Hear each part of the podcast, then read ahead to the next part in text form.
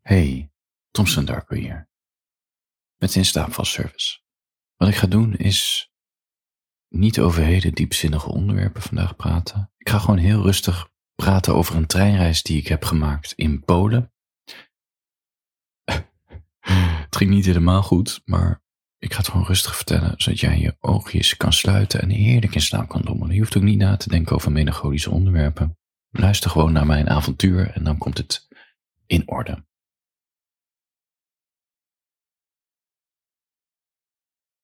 Voor je gaat slapen.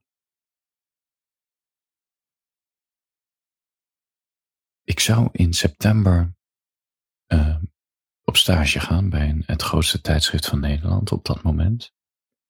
En ze vroegen of ik ja, twee maanden eerder kon beginnen, zodat ze een gat konden vullen op de redactie. En ik zei ja. En het stomste wat ik heb gedaan was niet onderhandelen, maar, dus de maar noemen, dat wil ik, maar ik wil wel op vakantie een of andere manier durfde ik dan niet. Les van Thompson. Gebruik altijd de maar om je jezelf te beschermen. Goed voor jezelf opkomen bij onderhandelingen. Het is niet eenrichtingsverkeer. Je mag best wel op je strepen staan. Dus ik zei na een paar weken van ja, sorry, ik wil toch nog wel eventjes weg. En ja, die gast had er, ik had sowieso geen klik met hem. Misschien een verhaal voor een andere keer. Ja, hij was niet blij. Maar ik zei ja, ik wil toch echt echt ja, op reis. Met de trein Oost-Europa. Dus ik had soort van uitonderhandeld. Het liefst was ik gewoon twee weken gegaan, maar het was een soort van tien dagen geworden. En dan zou ik maandag en dinsdag nog werken en dan woensdag vertrekken. Nou, je weet al hoe het gaat. Die hele zomer zit bijna niemand op de redactie. Ik had gewoon allemaal stukjes af. Er was helemaal niks aan de hand. Maandag en dinsdag zat ik daar echt voor pampers op die redactie. Er was geen reet te doen. Ik zat alleen maar in mijn neus te vreten. En woensdag volgens mij, ja, woensdag, zou ik nog in de ochtend werken, dan ergens rond twee, drie uur in de middag. Op mijn fiets. Het was een Hilversum. Naar de trein. Naar huis. Tas pakken. En um, vriend opwachten. En met de sneltrein naar Berlijn. En die avond. Ja. Zo gek hè. S ochtends ben je nog op kantoor. En s'avonds zit je een biertje te drinken bij uh, de Brandenburg Toren Magisch. Ja. Na een paar dagen is Berlijn zijn we met de trein vertrokken naar Polen. we wilden naar Krakau, dat ligt ergens helemaal onderin Polen. Dat is natuurlijk een bekende toeristische stad. Um, het is een oude middeleeuwse stad, mooi oud plein. Auschwitz ligt ook redelijk in de buurt van Krakau, maar we hebben besloten om dat eventjes links te laten liggen, omdat we niet zo heel lang op vakantie waren. En ik ben een gevoelige jongen ik wil, dacht ik toen, best nog wel eens een keer naar Auschwitz, maar niet deze vakantie. We zaten in die trein. Ik wil eerlijk bekennen, ik had verschrikkelijk last van de alcohol die we de avond ervoor hadden gedronken. Mijn darmen waren van slag. En het was een hele langgerekte trein, overvol. Iedereen had wel een zitplek, maar gewoon heel veel mensen, veel geluid. En ja, er was maar één toilet om de zoveel rijstellen. En ik durfde niet. Ik durfde niet te gaan zitten. Want ik dacht, ja, dan gaat iedereen rommelen aan dat slot. En. Oh ja. Ja. Maar ik had ook heel erg veel buikpijn. Ja. En ik weet ook niet waarom ik niet durfde. Ik moet zeggen, het gaat nu iets beter in mijn leven. Ik durf nu wel op vreemde plekken mijn behoefte te doen. Toen had ik er echt wel moeite mee. Helemaal in de trein.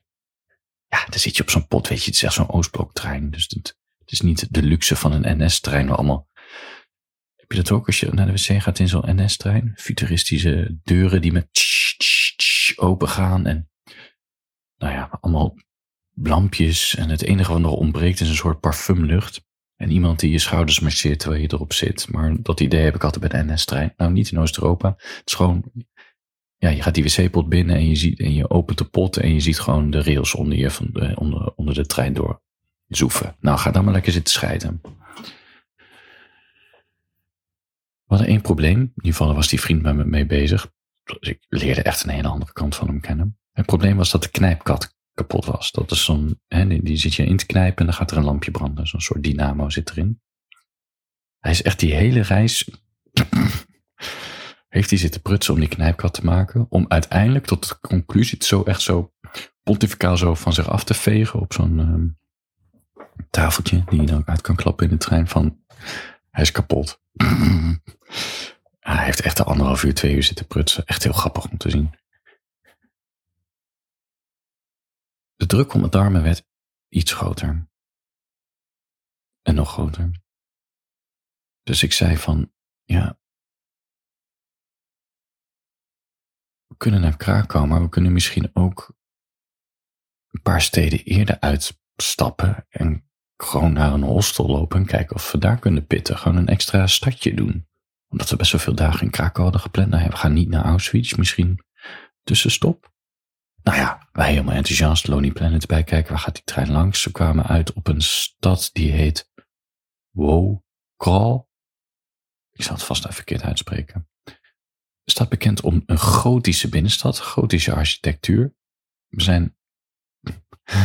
En we zagen dat er een hostel echt heel dicht bij het station was. Uitgestapt met onze rustzakken in die Poolse hitte naar dat hostel. Er was plek. Nou, ik eh, sprintte naar die wc. Heerlijk gescheten. Eind goed al goed. Nee hoor, we hebben daar uh, prima. Nachtje geslapen. Nou, het was trouwens niet prima. Het was echt een super... Nee, het was wel prima. Het was echt een hele grote kamer dat we hadden. Er stonden heel veel bedden. Alleen, uh, ja, het was gewoon niet zo druk. Dus ik denk dat er acht bedden stonden. En wij hadden twee bedden.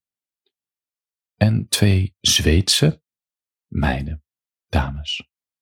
En die Zweedse dames, die hebben echt niks tegen ons gezegd. Helemaal niks. Echt verbazendwekkend. Gewoon geen hooi, er kon geen hooi af. Ja, ik heb echt uh, vrij negatieve ervaringen met Zweden. Op reis gehad. Nou, dit is er een van. Ik weet niet wat er aan de hand is met jullie Zweden, maar toe is niet zo gesloten. Het gekke aan deze uh, kamer. Ja, volgens mij stonden er geen acht bedden. Ik denk vier of zes. Ze hadden een hele luxe keuken in, in, in, in die dormitory gemaakt. Met een koelkast. Dus, dus er waren heel veel kamers, grote kamers met een keuken erin en een uh, koelkast. Het, uh, heel modern.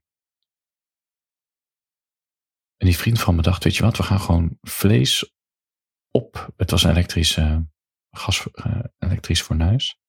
In plaats van dat we het vlees in de pan doen,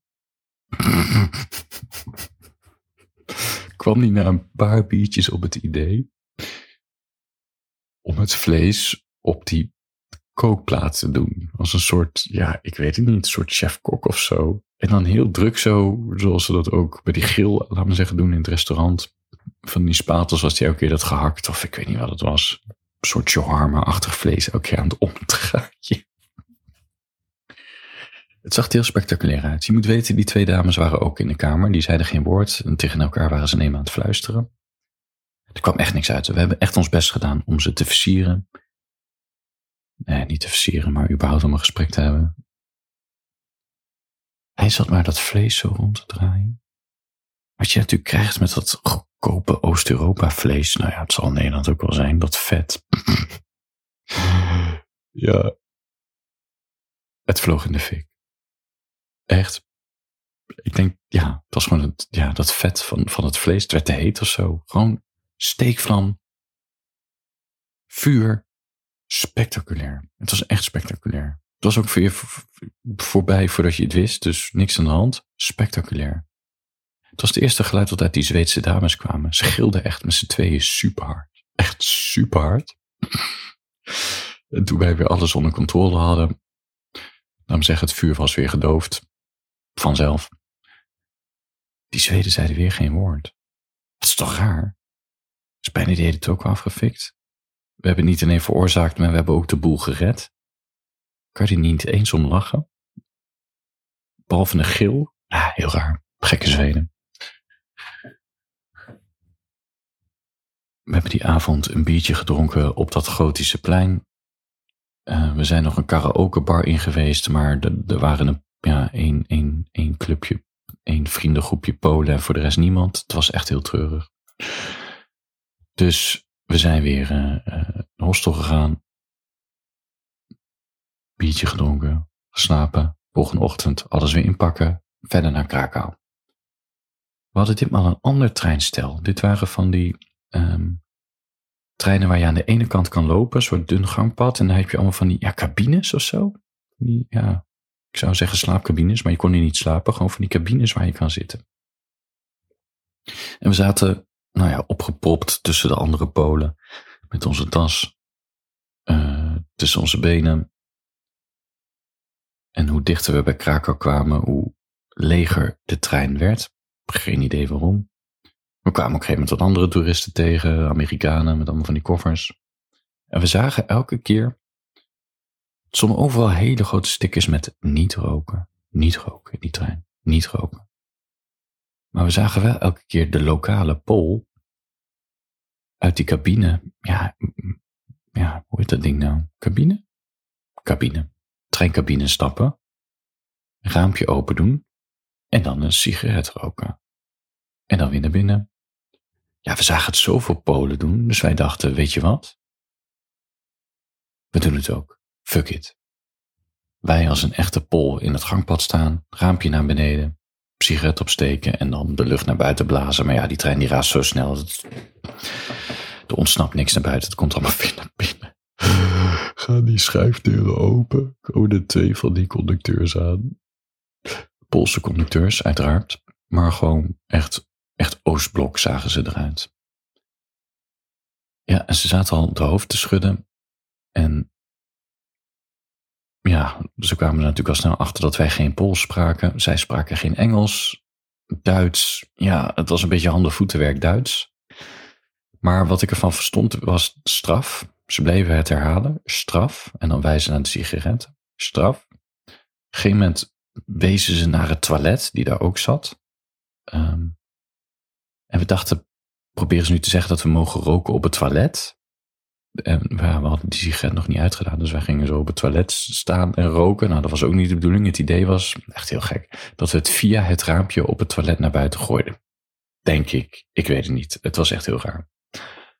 Maar het woord straf bleef zich herhalen. De boekjes werden te, kwamen tevoorschijn, er werden heel druk administratie ingevoerd. Volgens mij was het voor de bühne. En we moesten direct afrekenen in slotties. ja. Achteraf gezien opgerekend was het echt een boete van niks, maar toen deed het wel heel erg pijn. Ja.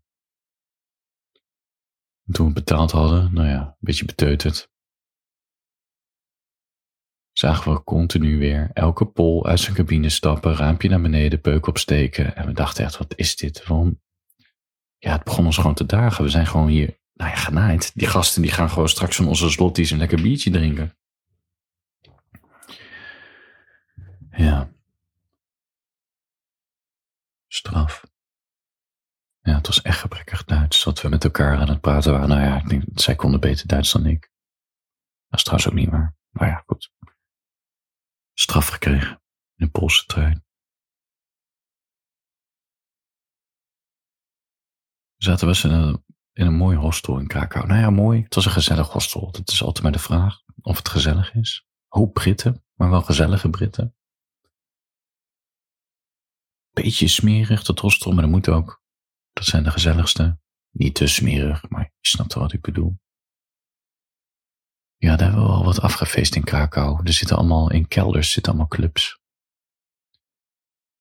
Die poden dansen op een hele bijzondere manier. De goed geklede dames, uiteraard, helemaal op en top, make-uppie, mooie tasjes erbij, bling bling. Die zitten een beetje met de heupen te bewegen en dan gaat de Poolse man, niet goed gekleed, in zijn joggingbroek, kort geschoren koppie, um, halsket, halsken heet dat zo? Ketting om de nek. Gaat erachter staan als een soort, bewegen als een soort, ja, ik weet niet. Een soort poquito of zo. En dan zo de heupen vasthouden, een beetje meebewegen. En dan, voor je het weet, ergens zijn ze aan het zoenen. Ik moet zeggen, ik dacht, dit ziet er zo makkelijk uit. Ik blijf lekker melancholisch alleen in mijn eentje dansen. Ik ga er niet aan beginnen. Ja, zo ben ik ook. Hè? Je bent een melancholicus of niet.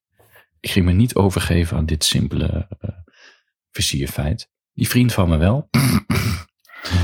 ja. Ja. Die het lekker zitten dansen. Ja. En zitten bewegen. Dat zag er goed uit. Goed voor hem.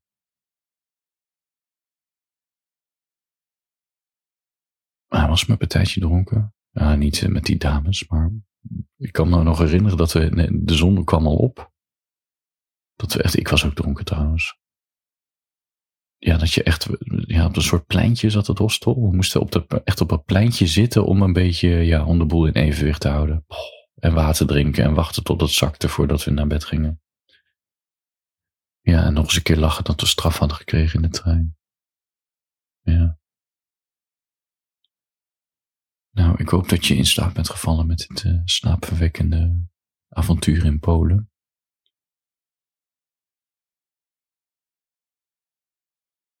Ja, het is leuk land, Polen. Zou ik nog eens naar terug willen. Dat, ja, nu ik eraan zit te denken. Leuk, cacao. Aanrader. Ik ben er alleen nooit in Warschau geweest. Misschien ook eens een keertje heen.